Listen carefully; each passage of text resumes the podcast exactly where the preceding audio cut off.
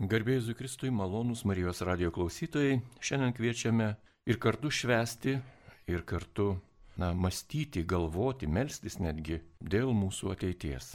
Ši diena ypatinga, tai Europos diena, tai Europos globėjos Editos Štain, kuri buvo žydų tautos dukra, kuri buvo katalikė, kuri buvo vienuolė karmelitė ir žinoma, ji buvo tuo metu, antro pasaulinio karo metu, ji buvo nužudyta Aušvico koncentracijos stovykloje. Gyvenusi ilgai Prūsijoje, artima mums, mūsų mentalitetui, mūsų kraštui, filosofė. Taigi apie Editą Štain, Švento kryžiaus Teresę, Benediktą, vienuolę seserį, šiandien ir Europos padėtį mums maloniai sutiko savo mintimis pasidalinti e, filosofijos doktorantas, politologas Vytautas Sinica. Su juo kartu ir Liutauras Serapinas ir aš sveikinuosi su gerbiamu Vytautu, garbėjai Kristui. Per amžius. Labai malonu, kad radote vasaros atostogų metu laiko ir Marijos radio klausytojams ir mes labai džiaugiamės turėdami galimybę išgirsti jūsų kaip politologo įžvalgas, žinoma, rekomendacijas, kaip galėtume suprasti padėtį dabartinėje Europoje, kai vyksta karas, ir jį yra įtrauktos visos Europos valstybės. Ir tas karas yra neteisingas, jis yra baisus. Kai jis prasidėjo, daugelis, na, Lietuvoje žmonių tiesiog nenorėjo apie tai kalbėti. Kiti sakė, jog tai yra religinis net karas. Dar kiti sakė, kad tai yra antro pasaulinio karo tasa. O kaip iš tikrųjų, jeigu kalbėti apie dabartinę Europą, minint Editą Stein, ją prisimenant, jos kančią, jos likimą, Kaip visą tai atrodo, ar toli pažengėme mes Vytautai nuo tų 40-ųjų metų? Labai daug klausimų vienu metu, iš tikrųjų gal pradėsiu nuo to karo, aš manau, kad kadangi yra taip, kaip jūs sakote, yra daug versijų, kaip jį suprasti, tai aš turiu pasakyti savoją versiją, kurią laikau esant teisinga, kad e, vis dėlto šį kartą, nors retai tai būna, tai yra būtent tai, kas iš šalies ir atrodo. Tai yra imperinės valstybės noras suvaldyti ir sunaikinti mažesnę tautinę valstybę. Rusijos imperijos noras naikinti Ukrainą ir ukrainiečių tautą, ką Putinas ir įvairūs Kremliaus propagandos atstovai tiesiai ir pasakė Ukraina turi būti denacifikuota ir ką tai reiškia.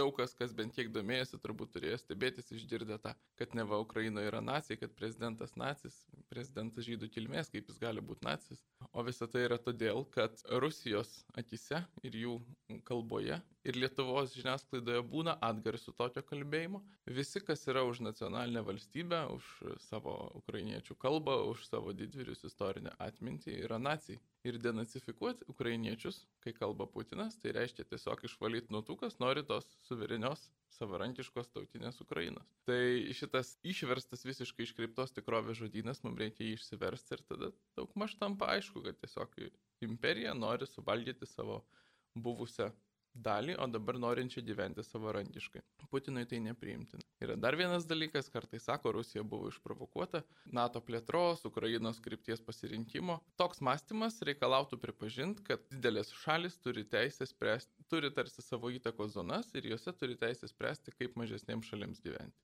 Ir tada jau priklauso, kieno įtako zonoje esi. Štai, tarkim, Ukraina neva būtų Rusijos zonoje ir turėtų Rusijos klausti, kas jai galima, o ko negalima. O jeigu ne, tai tada neva jau Rusijos interesai pažeis. Toks mąstymas yra vėlgi. Jis moraliai nepriimtinas, jis sako, kad vienos šalis ir iš esmės stipresniojo teise didesni gali valdyti kitus, jis ir pagal tiesiog tautų apsisprendimo teisę nepriimtinas demokratinės šalis yra, nors šiandien tai gal daugam nepatinka, kartu ir nacionalistinės šalis. Jos numato tautų teisę spręsti, kaip joms gyventi. Teisė Ukrainai, teisė Lietuvai, teisė bet kam kitam. Ir čia tada galim pasižiūrėti į Europos laikyseną šito karo fone. Aš manau, kad šiais metais, šią vasarą, dabar mūsų šnekamų metu, nėra geresnio lakmuso vertinti Europos būklę jos tapatybę, jos vienybę, juk rūpjūčio 9 yra, jei nepainioju, būtent Europos vienybės ten yra tas žodis diena ir tos vienybės matas šiandien yra turbūt požiūris į Ukrainą. Kodėl aš taip sakau? Todėl, kad čia bus truputis žingsnio link Adomo ir Jėvos. Europa atsisakė, ir Edita Ištain, manau, tai tikrai nebūtų priimtina, Europa atsisakė save apibriežti civilizaciškai, kaip krikščioniška civilizacija, kaip apskritai kažką, kas turi savo bruožus, kurie nubrėžia aiškias ribas, kur Europa prasideda, kur baigėsi, kad yra labai aišku, substancialu, būtų protingas žodis, kasgi ta Europa. Europa dabartinė 21 amžiuje, ir čia pirmiausia ES dokumentuose ir vadovų kalbose tai visada atsispindi, yra nusprendusi save apibriežti per vertybės, universales vertybės, kurios iš principo turi tikti visiems, kurias būtų galima nunešti visiems, visus išmokyti. Ir musulmonus, ir pietų afrikiečius, ir ką tik tai nori, kinus, va tarkim dabar tampa vis aktualesnė šalis ir civilizacija. Europa nori būti ta, kuri neturi iš jų ribų, kuri siūlo gyvenimo modelį ir vertybės, kurios iš principo galėtų tikti visiems visiems. Čia ne aš sugalvojau. Čia Europa apsisprendė save apsibriežti per vertybės. Tos vertybės mes visi žinom, nuolat girdim yra žmogaus teisės, demokratija, teisės viršinybė, įvairovė, va tokie dalykai. Ir jeigu jau jos yra pastatytos ant piedės stalo į pirmą planą kaip pats svarbiausias dalykas šiandieniniai Europai apsibriežti, na tai jų, kaip čia pasakius, šlovės valanda turėjo būti karas Ukrainoje. Tai buvo unikali proga Europai ne kažkur pasaulyje, į kurį tarsi turi ambicijų nešti tas vertybės Europą, bet čia pat fiziniai, geografiniai Europoje, Ukrainoje, tas vertybės atstovėti ir parodyti, kad jas ne tik kalbam, bet ir gyvenam.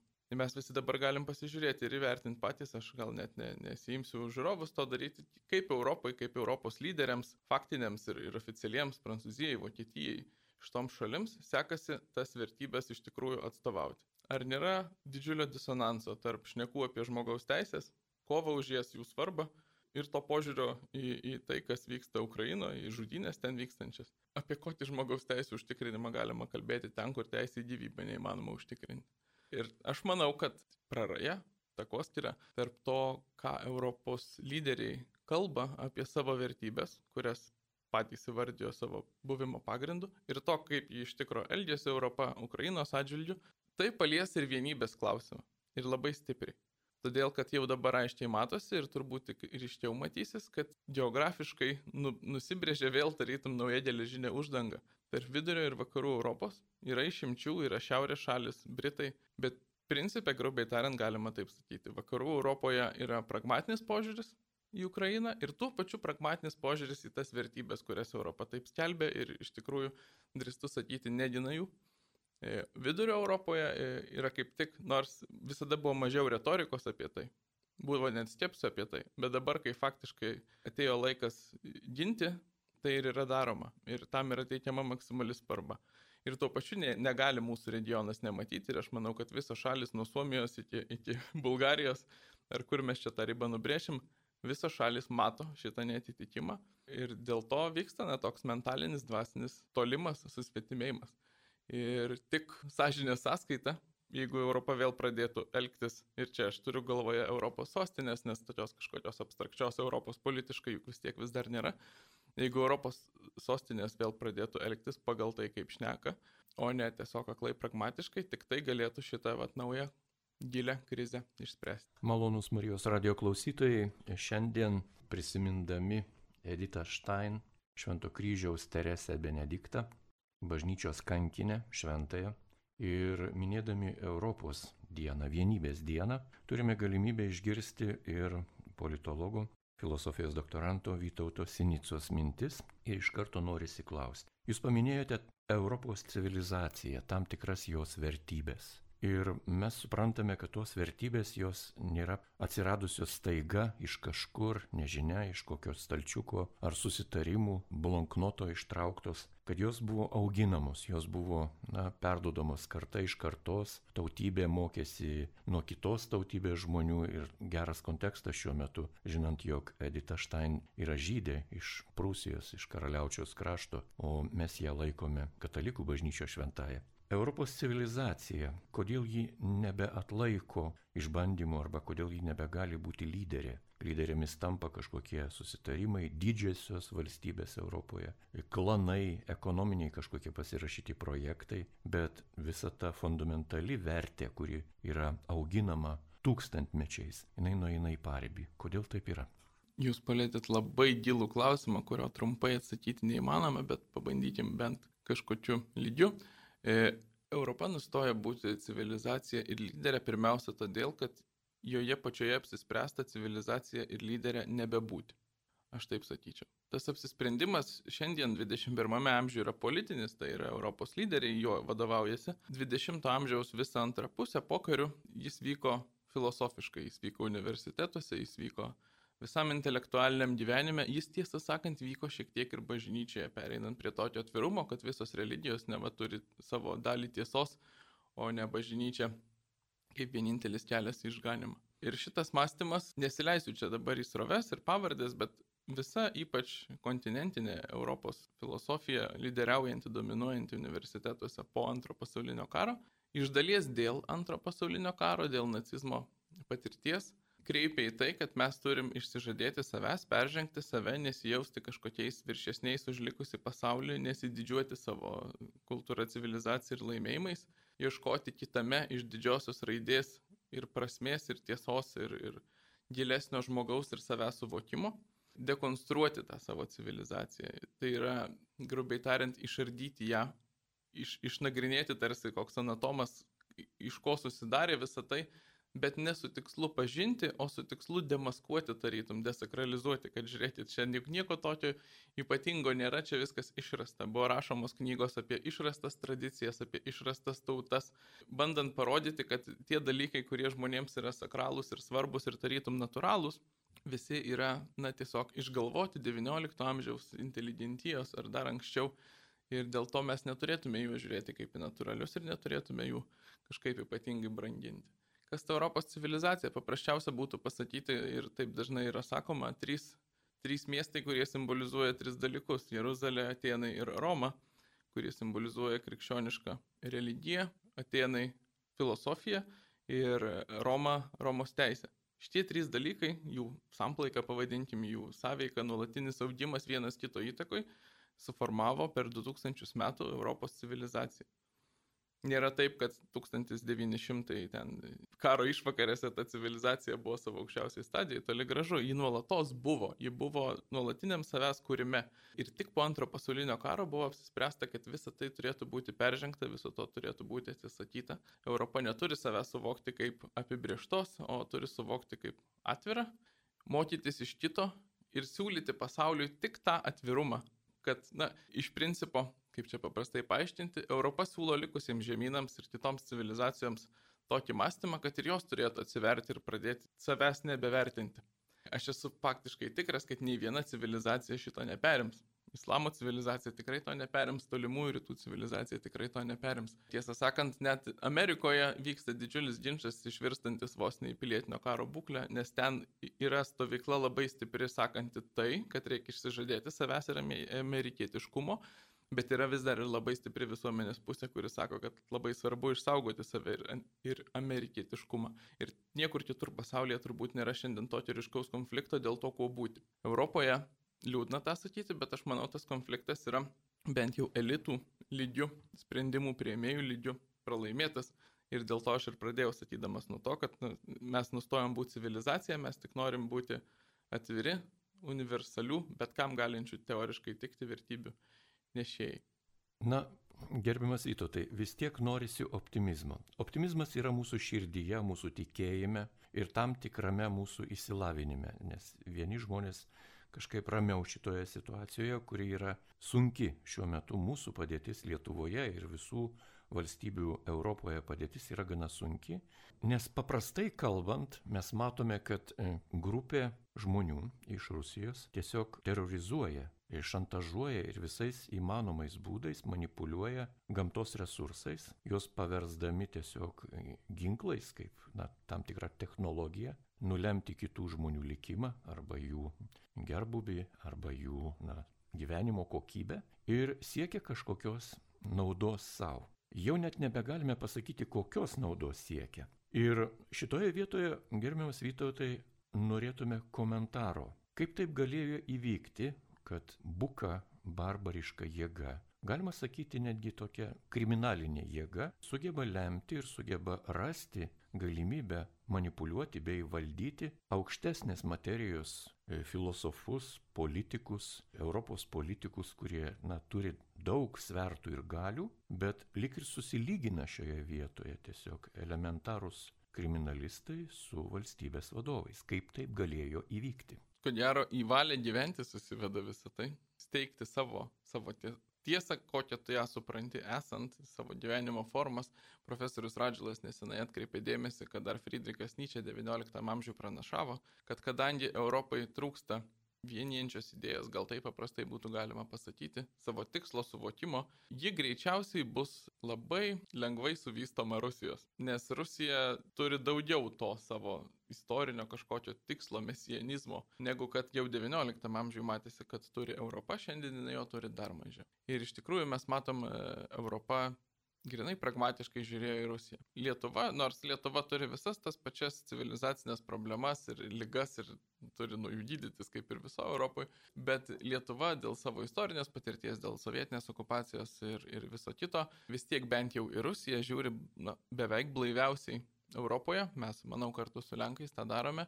Ir mes jau 20 metų rėtėm, kad negalima žiūrėti į Rusiją kaip į tą kažkokį tiesiog partnerį, su kuriuo tiesiog pasiskaičiuoji išlaidas ir, ir pajamas ir jeigu apsimoka, tai su juo ir priekiauji ir tampi nuo jo priklausomas. Mes juk tą rėtėme nuo 2000 metų, galbūt dar anksčiau, gal aš neatsimenu. Ir iš mūsų juotėsi tikrai Adamkaus laikais iš mūsų juokėsi, kad na, yra, yra paranoiška Lietuva, kuri visą laiką įsivaizduoja kažkokią Rusijos grėsmę. Bet va čia pat Vokietijoje jau tikrai jos niekas neįsivaizduoja ir nėra paranoiški. Ir dėl to buvo tiesiami ir tie dujotiekiai, nors streamas, pirmas, antras, mums, Lenkams ir kitiems regione rėkiant, kad ne tik mums bus blogai, mums aišku bus blogai, bet ir jums vokiečiams vieną dieną bus blogai. Nes juk buvo pilna pavyzdžių ir ukrainiečiams, ir, ir kitiems jau užsukinėdavo Rusija tuos kranelius dujų Tiesiog pagal tai, ar šalis gerai elgdavosi Rusijos akise ar ne. Ir jeigu tu blogai elgiesi, tai Rusija užsuka kranelį pasakiusi, kad vyksta taisymo darbai. Ir šitą neįtikėtiną, galbūt didžiausią mastą manipulaciją sunku būtų sugalvoti kitą tokią lygį, nes Rusija turėjo galę dėka mūsų pačių atsidavimo, Europos turiu galvoje, jos rankas, užsukinėti žiemą šildymą europiečiams. Ir nepaisant tos net ir patirties, vis tiek aklumas buvo begalinis. Tas tikėjimas, kad, ai, mes kažkaip turbūt iš to, kad esame viršesni, turtingesni, pažangesni, nu mes susitvarkysim, mes apžaisim, mums viskas bus gerai. Ir šiandien vis tiek Ukrainos karo fone atėjo ta diena, kada jau ne tik patys esame, na, tebūnie visuomenių nuomonių, moralinio spaudimo verčiami, aš čia kalbu dabar apie Vokietijos valdžią, nutraukti šitą santykį nuo to kranelio, nuo kurio pats pasidarėjai priklausomas, pats pasirinkai. Ne tik tai, Bet ir pati Rusija atėjo laikas, kai užsutinėja tą kranelį, mes dabar žinom, ir, ir, ir grasina turbūt keista ir makabriškai atrodo 21 amžiui turtingiausių Europos šalių žmonėms svarstyti ir jie turės šildymas į šią žiemą. Ir mes patys tą sukūrėm. Patys tą sukūrėm tiesiog tokiu buku, paviršutinišku pragmatiškumu. Kai sakau mes, tai turiu galvoje Europą, neturiu šiuo atveju Lietuvos, tai yra viena iš tų retų vietų, kur Lietuva energetinės priklausomybės prasme buvo ta šalis ir visuomenė, kuri žiūrėjo tolerediškai. Mes šiandien tikrai galim sakyti, mes jums sakėm, tai nieko neduoda, tai yra tokia menka pagoda iš tikrųjų būti tuo, kuris gali sakyti, mes jums sakėm, nes norėtųsi geriau, kad būtų priimti teisingi sprendimai, o ne kad tu būtum pats savo vienas teisus. Šitoje vietoje norisi prisiminti tą, patį, tą pačią Edith Stein, nes ji rašė, gan hopsiškai rašė, jinai, kaip čia pasakius, realistiškai labai suvokia modernios politikos tikrovę. Ir jeigu klasikinė politikos samprata sako, kad valstybė turi ugdyti žmogų ir turi skatinti dorovingą jo gyvenimą, įstatymai turi vesti žmogų į dorovingą elgesį ir galiausiai išganimą, tai moderni valstybė samprata nuo visų šitų dalykų atsiriboja ir sako, kad tik tos bendruomenės, kurie įsisteigė valstybė išlikimas, yra vienintelis realus tikslas, kurį ta valstybė turi, o toliau tuos tikslus pasirenka pati bendruomenė.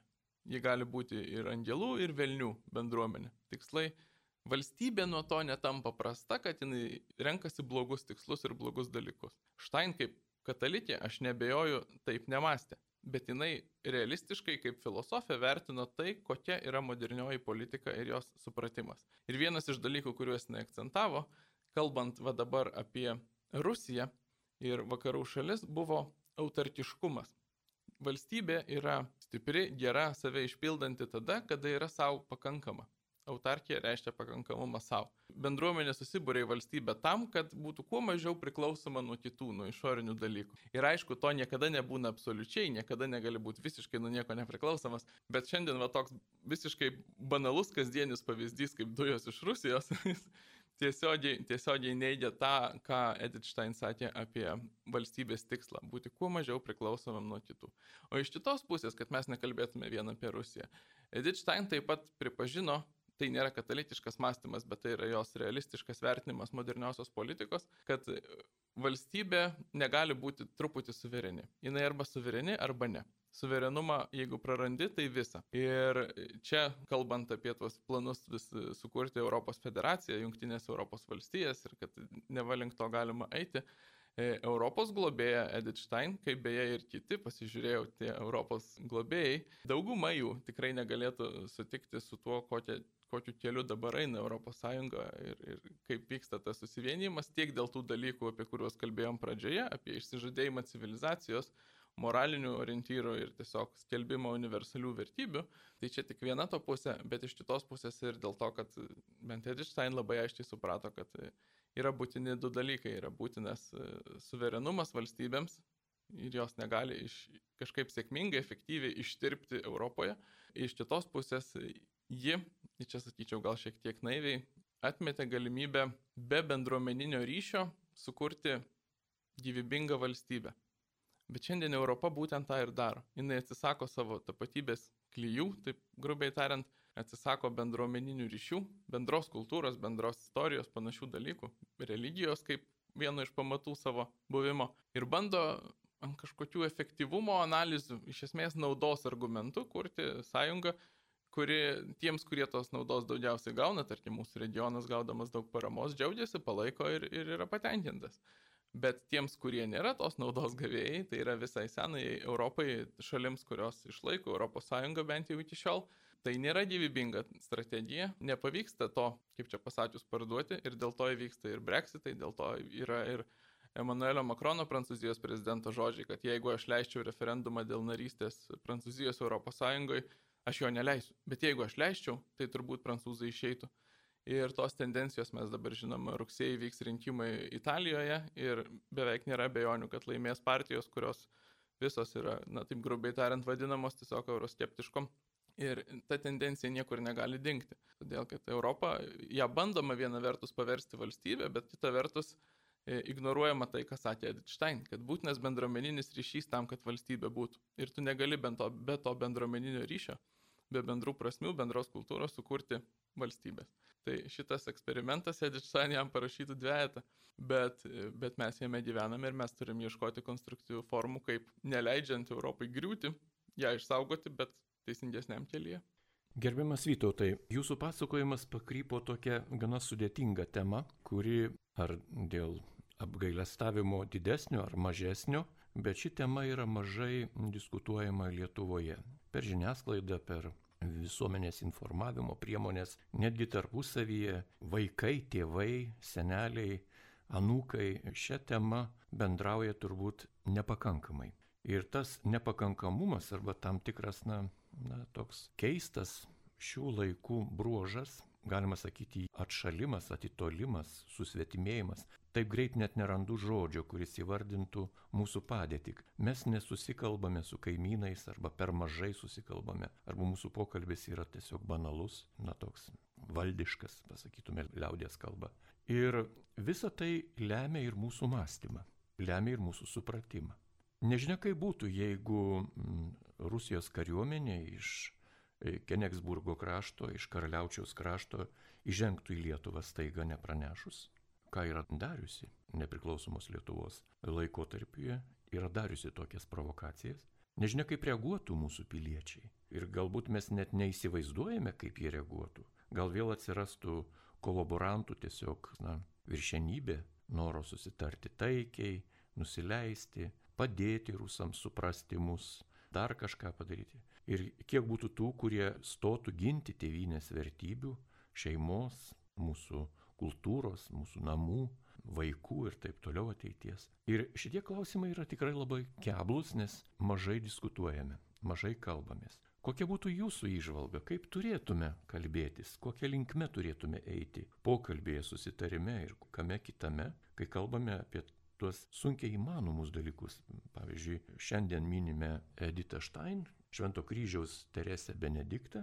Ji buvo žydė ir ji buvo kankinė ir ji šiuo metu yra bažnyčioje, katalikų bažnyčioje šventoji ir niekas nesipiktina dėl to, kad ji yra šventoji, būtent žydė ir taip toliau. Bet Kai kalbame apie savo tapatybę, lietuvišką tapatybę, esame baisiai susiskaldę ir net nebeturime tų į ką atsiremti, kertinių akmenų.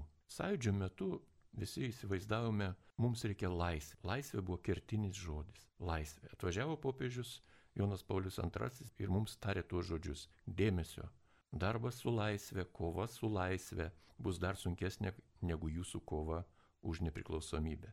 Tuo metu net negirdėjome tą, ką sakė Jonas Paulius II čia Lietuvoje.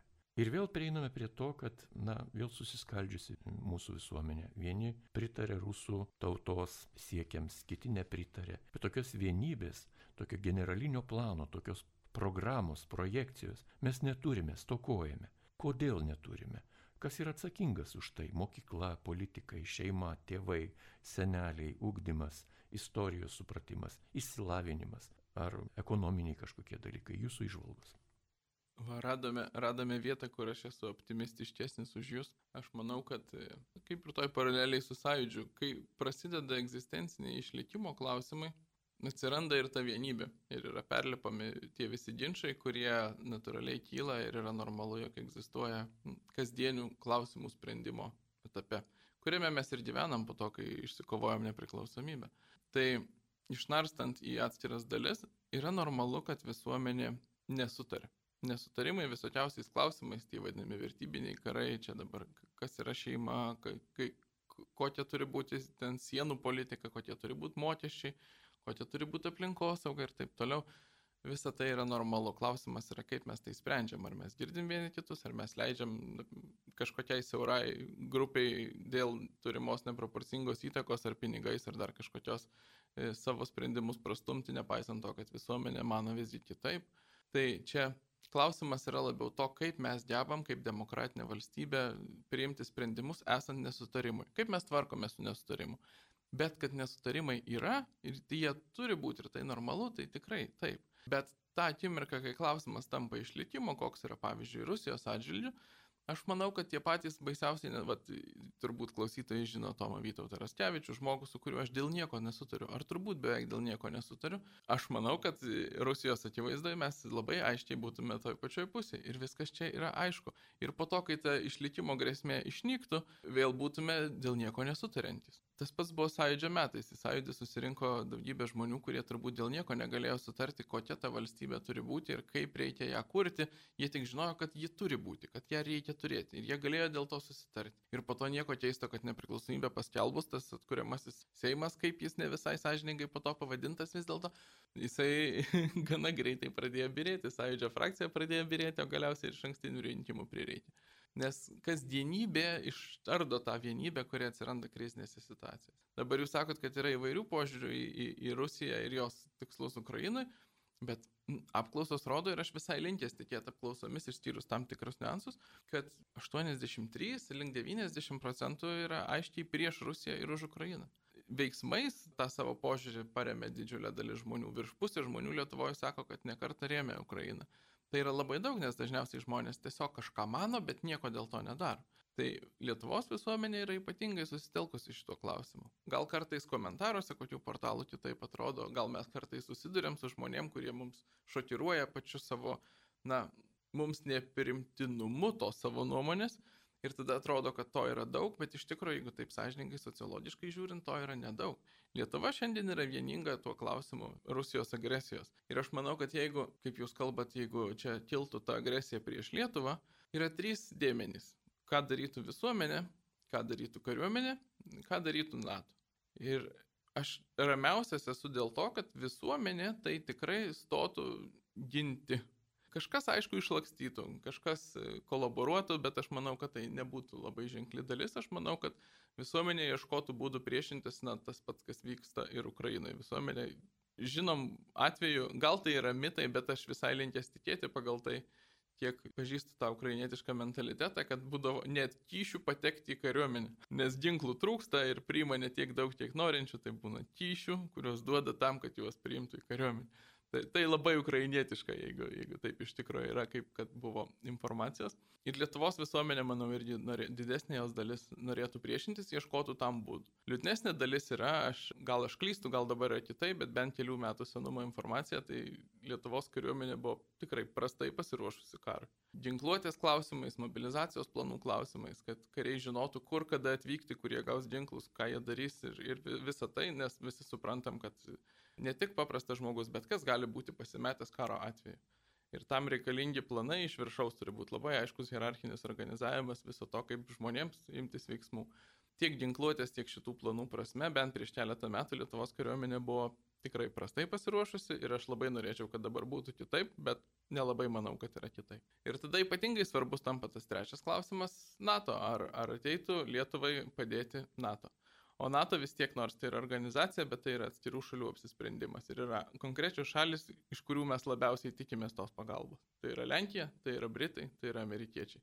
Lietuva turi daryti viską, kad tos pagalbos iš jų sulauktų. Ir čia aš drįsiu visgi pakritikuoti paskutinius vyriausybės mūsų veiksmus užsienio politikoje, tiek su tuo Kaliningrado tranzitu, tiek ir kitais atvejais. Pastaraisiais metais Lietuva vis išsišoka tokiais principė teisingais gero noro tarsi ir teisinga vertybė ginančiais veiksmais, bet jų išsišokimo mastas būna toks, kad Lietuvos niekas nepalaiko. Paaiškėja, kad Lietuva tų savo veiksmų su niekuo nebuvo suderinusi. Tada Lietuva reikalauja iš visų bendražydžių, ten iš ES ar iš kokio kito tarptautinio formato palaikyti tuos veiksmus, bet to palaikymo nesulaukia. Taip atsitiko su Taivanu, taip atsitiko su Kaliningrado tranzitu. Mes dabar jau tikrai žinom, ypač TV3 plačiai tą nušviečia klausimą, kad Lietuvos vyriausybė nu, tiesiog grubu žodis, bet melavo, sakydama, kad ES sutarė dėl to interpretavimo, kurį Lietuva taikė ir bandė neleisti to tranzito. Būtų šaunu, jeigu mes būtume turėję ES sutarimą neleisti. Aš esu už tai, kad būtų sprendimas neleisti. Lietuva turėjo ES tame formate, kur priimtas sprendimas, kovoti už tą sprendimą ir jos siekti. Gal kovojo, gal nelaimėjo, bet faktas, kad jo nebuvo. Ir tada Lietuva apsimetė, kad buvo. Ir kas man rūpi, čia buvo daug baimės, kad Rusijai tai suteiks pretekstą pulti. Liet... Rusijai nereikia preteksto pulti. Rusija, jeigu užsinorės, tai puls ir pretekstą ras ir jai nelabai rūpės, kiek jis tikroviškas ir pagristas. Rusija pripažįsta tik galios santykius ir ją sustabdo tik baimė. Bet vakarų šalims yra svarbu, kiek mes esam patikimi partneriai. Ir tam, ar jie ateis ginti, tai turi reikšmės tai, kaip mes elgiamės. Ir tai, kad Lietuva dabar jau sistemingai kurį laiką kūrė tokias, na, provokacinės situacijas, kada, kaip sakau, eskaluoja konfliktą, tada atsisuka ir bėga kaip pas tėvelį ir sako, žiūrėk, aš susipikau, apgink mane. Ir tas tevelis šiaip pastatomas į nepatogią situaciją, čia šiuo atveju turi ES, kai nenori ir neina ginti, tikrai nepadėkos už šitos mūsų veiksmus vakarų šalis. Aš tuo nenoriu pasakyti, kad mūsų negins, aš noriu tikėti, kad mus gins, aš noriu tikėti, kad mūsų valdžia vis dėlto viską darys, kad mes būtume ginami ir laikomi rimtais ir, kaip čia pasakius, prognozuojamais partneriais, bet tikrai konstatuoju, negaliu nekonstatuoti, kad pastaraisiais metais Lietuva padarė veiksmų, kurie na, tą mūsų solidumą ir prognozuojamumą mažino. Tai turbūt tiek apie tą karo grėsmę ir kas čia būtų, jeigu būtų. Dar ne, dar neužbaigim karo temos, nes ta tema yra skaudi. Ir prieš laidą jūs kalbėjote, kad yra e, tam tikros stovyklos - taikos stovykla ir karo stovykla. Apie tai dar truputį priminkite. Nesenai Liepa buvo paskelbtas tyrimas padarytas europiniu mastu, kur įvairių Europos šalių visuomenių klausta, ar jos yra labiau už karo pabaigą Ukrainoje, nesvarbu kokiam sąlygom, tiesiog, kad greičiau baigtųsi karas, greičiau baigtųsi žūtis, ar už, tai buvo pavadinta teisingumo stovykla, už Rusijos nubaudimą, na, kad Rusija kuo labiau pralaimėtų. Tas tyrimas jis turėjo trūkumų, nes kalba eina antruoju atveju ne tiek apie Rusijos nubaudimą, tiek apie tiesiog Ukrainos pergalę. Ukraina kovoja išsaugoti savo teritoriją, savo sieną, savo šalį. Jie nenori nubausti kažkaip Rusijos. Galbūt pavyktų netyčia sėkmės atveju kažkaip tą Rusiją nubausti ir susilpninti ilgalaikį perspektyvoje, tai būtų puiku. Bet karo tikslas iš Ukrainos pusės, ir mes žinom, 90 procentų ukrainiečių tam pritarė, yra kovoti tol, kol atgaus visas teritorijas. Už išsaugojimą Ukrainos, kokia ji yra ir turi būti. Šitam tikslui ukrainiečiai yra aiškiai apsisprendę, o Europa ne. Europoje yra šalių mūsų regione, vidurio Europoje, daugiau visuomenės yra linkusios palaikyti tą Ukrainos tikslą, kovoti iki pergalės ir teritorijų atgavimo, suprantant, kad tai kainuos gyvybės ir tai kainuos mums Europoje ten kainas, energetikos išteklių tiekimą, galbūt šildymo problemas ir taip toliau. Vakarų Europoje, nors yra išimčių, daugiau vyrauja tas požiūris, kad taikos stovykla, kuri reiškia, kad susitaikykim kuo greičiau, nesvarbu kokiam sąlygom. Faktiškai ta stovykla reiškia, kad Ukraina reikia spausti, priimti nuolaidas, daryti nuolaidas, teritorinės nuolaidas visų pirma. Pripažinti Rusijai tai, ką jinai okupavusi yra. Man patinka pasišaipimas iš šito požiūrio, kurio esmė maždaug tokia. Na tai Rusija, kai ją puolė nacijai, turėjo nesiginti nes tiek gyvybių būtų išsaugota. Man regis, jokia šalis per karą nėra praradusi tiek gyvybių, kiek Rusija per antrą pasaulinį karą. Tai būtų išsaugojusi tas gyvybės, jeigu būtų nesidynusi. Taikos stovykla yra viduje absurdiška yra graži idėja taikos ir taikos reikia siekti, bet visada jos reikia siekti protingai. Mintis, kad nuolaidžiaudamas gali pasiekti taikos yra na, visiškai kvaila mintis. Nuolaidžiaujant taikos niekada neįmanoma pasiekti.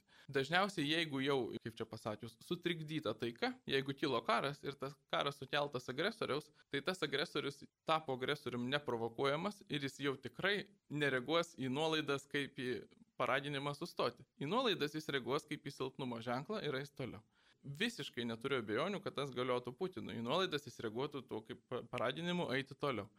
Ir čia yra viena vertus tokio geopolitinio naivumo, nesupratimo Rusijos vakaruose. Ir aš tą galiu suprasti, kad kokie nors italai nesupranta Rusijos ir jos mąstymo ir jos to tokio, kad, na, mato tik jėgą ir silpnumą. Italai arba ten kas nors kitas vakarų Europoje nesupranta, kad Rusija mato tik jėgą ir silpnumą. Bet ne vien žiniuose yra problema, nes yra ir banalus tiesiog moralinis klausimas. Aš galiu nieko nežinoti apie Rusiją ir aš galiu nieko nežinoti apie tai, kokias praktinės pasiekmes išauks mano veiksmai. Bet aš visada galiu moraliai vertinti savo veiksmus ir pasirinkimus. Ir kiek yra moralu man sakyti kažkam, kaimynui, kad jis turi vadžiui atiduoti tą, na ar trečią tam, kad tas vadys nuo jo atstotų. Ir čia neįmanoma apsimesti, kad to nėra, tam, kad tas vadys greičiau nustotų ir man problemas kelti. Kad jo neliktų mūsų kaiminystėje, tarkim. Arba kaip šiuo atveju, kad Rusija nekeltų problemų dėl šildymo europiečiams.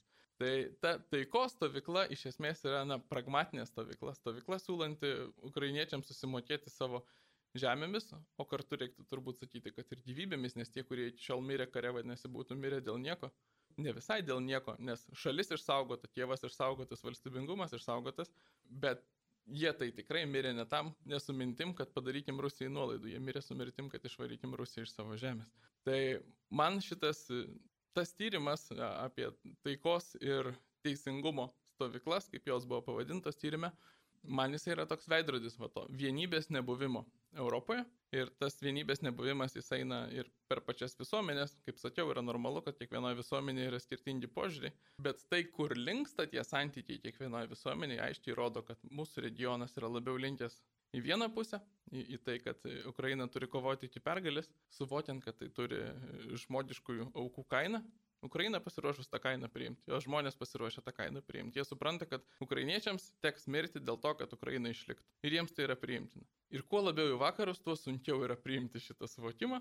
Sunku net šildymo sąskaitą priimti, o ką jau kalbėti priimti aukas. Ir ten vyrauja tas požiūris, kad geriau susitarkim. Mūsų regiono kaip esančio tarp tos Ukrainos kovojančios ir tų vakarų norinčių kuo greičiau pabaigti konfliktą, dabar pareiga ir misija yra visom diplomatiniam priemonėm, visom pažintim, visom įtakom, visko, kas įmanoma, siekti, kad vakarai vis dėlto laikytųsi to požiūrio, kad Ukrainą reikia remti ir padėti jai kovoti iki pergalės. Šioje vietoje tikrai vertėtų užbaigti laidą, nes jūs labai gražiai apibendrinote teminį pokalbį, kuris yra skirtas Europos globai, kurį suprantame šiuo metu per tam tikrą liturginę šventę, tai yra Europos globėjos, šventosios kankinės Edito Štain vienuolės minėjimą. Ir, na, norisi dar vis jūs klausti ir klausti, bet Vytautai atleiskite, laidos laikas yra baigtas. Todėl trumpai, ką jūs palinkėtumėte klausytojui, kaip galėtumėte jam, na, dar priminti vilties, vilties, kurios tikrai nestokojo Edita Stein Aušvico koncentracijos lageryje, eidama į visišką sunaikinimą, nes ji apie ateitį, kad karas bus laimėtas, kad teis teisingumo valanda, kad Europoje bus išlietas maršalo planas, kad galbūt žmonės, na, net nelogiškai priims vertės laimėtojų ir pralaimėtojų. Žuvo virš 20 milijonų Rusijos tuometinės Sovietų sąjungos imperijos gyventojų ir jie yra laimėtojai, tuo tarpu vokiečių žuvo 6 milijonai, jie yra pralaimėtojai. Čia tokie alogiški tokie dalykai, kuriuos mes priimame dabar šiuo metu kaip tam tikrą vertę. Berlynas iki šiol yra sugriautas, miesto centrinėse dalyse yra paliktos dykros, namai yra išgražinti kulkosvaidžių patrankų šūviais. Iki šių dienų tai šviečia tiesiog kaip plakatai primena. 20 procentų Berlyno gyventojų kalba rusų kalba. Ir taip toliau čia būtų galima vardinti ir vardinti įvairiausius kontrastus ir mūsų tokius, na, loginius nesusipratimus, bet laidos pabaigai, iš kur tos vilties paimti Vytautai? Šios laidos temos rėmose aš sakyčiau taip, turėti noro, drąsos, didžiuotis savo šaktimis ir tuo, kas esam, savo tapatybę. Nes toj pačioj Ukrainoje matom dažniausiai tai yra šaltinis ryšto noro gyventi, ginti savo gyvenimo būdą, save, savo šalį, tai kas esi. Tai iš, iš pasididžiavimo savimi, savo bendruomenė ir šaknimis kyla noras, kad tai išliktų ir egzistuotų toliau. Šiandien to labai reikia. Ukrainoje akivaizdžiai to užtenka, Lietuvai gali prireikti bet kada, Europai reikia taip pat. Malonus Marijos radio klausytojai, minint šventosios kankinės Švento kryžiaus Teresės Benediktos pasaulietinių vardų Erito Štain, Europos globėjos minėjimą ir minint taip pat ir Europos vienybės dieną, šiandien jūs turėjote džiaugsmą išgirsti filosofijos doktorantą, politologą Vytautą Sinica. Jam klausimus uždavė Liutauras Serapinas, ragindamas ir toliau jūs likti kartu su Marijos radiju.